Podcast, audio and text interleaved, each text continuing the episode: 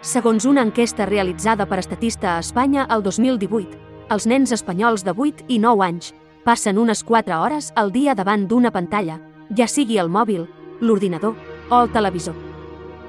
I els infants de 12 i 13 anys, unes 7 hores al dia. Segons un informe del 2019 de l'Institut Nacional d'Estadística Espanyol, dos de cada tres nens entre 10 i 15 anys tenen mòbil. De fet, als 14 anys, 9 de cada 10 en tenen. A la descripció de l'episodi, et deixo l'enllaç a un informe en anglès de l'OCDE de 2019, analitzant diversos estudis recents de la relació dels nens amb les tecnologies de la informació i el seu impacte tant al benestar personal com a l'exercici escolar. Molt resumidament, hi ha uns quants fets confirmats en aquests estudis. Per exemple, hi ha una relació inversa entre més hores davant una pantalla i la percepció de benestar del nen. Com més hores, menys benestar. Ben curiós. El mateix passa amb l'ús d'internet durant el cap de setmana. Amb dades de més de 30 països, es confirma que els nens amb un ús més intens d'internet són individus menys satisfets amb la vida. No t'espantis, només lleugerament, però de manera clara. De fet, segons el mateix informe, entre un 40 i un 80% dels nens, segons el país, se senten malament si no es connecten a internet. És a dir, sí que hi ha una mica d'addicció en una part de la població. Anem amb les coses bones sobre aquest tema.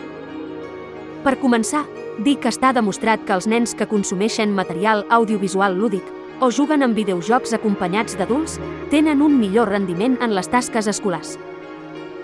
És a dir, l'ús d'internet i el lleure digital no és dolent per si mateix. Altres estudis posen de manifest els avantatges de fer-ho servir fins i tot a les aules. Però és molt important l'acompanyament i la guia dels adults, perquè no es creïn addiccions i es pugui controlar l'ús i l'aprofitament d'aquestes hores. Vull acabar suggerint algunes activitats interessants a realitzar amb nens per allunyar-los de les pantalles. Descobrir la natura. Sortir fora de casa, a un parc o muntanya, consultant prèviament guies d'aus o fauna. O bé dins de casa, es pot explorar l'inacabable món de les plantes i el cultiu. Fins i tot fent ús de l'observació amb microscopi. Manualitats. És un clàssic. Pintura i dibuix, argila o plastilina, papiroflèxia, talla i pega amb paper o cartró, construccions tipus Lego, cosir, etc. Llegir. Aquí la clau és encertar amb la temàtica de les lectures proposades al nano en qüestió. Si busques a les llibreries, hi ha un ventall de literatura molt apte per a nens de totes les edats. Des de continguts que es fan ressò de les sèries de televisió o al cinema, fins a material relacionat amb els youtubers, Activitats grupals. Per treballar el desenvolupament social i emocional, si és possible, amb la participació d'un adult.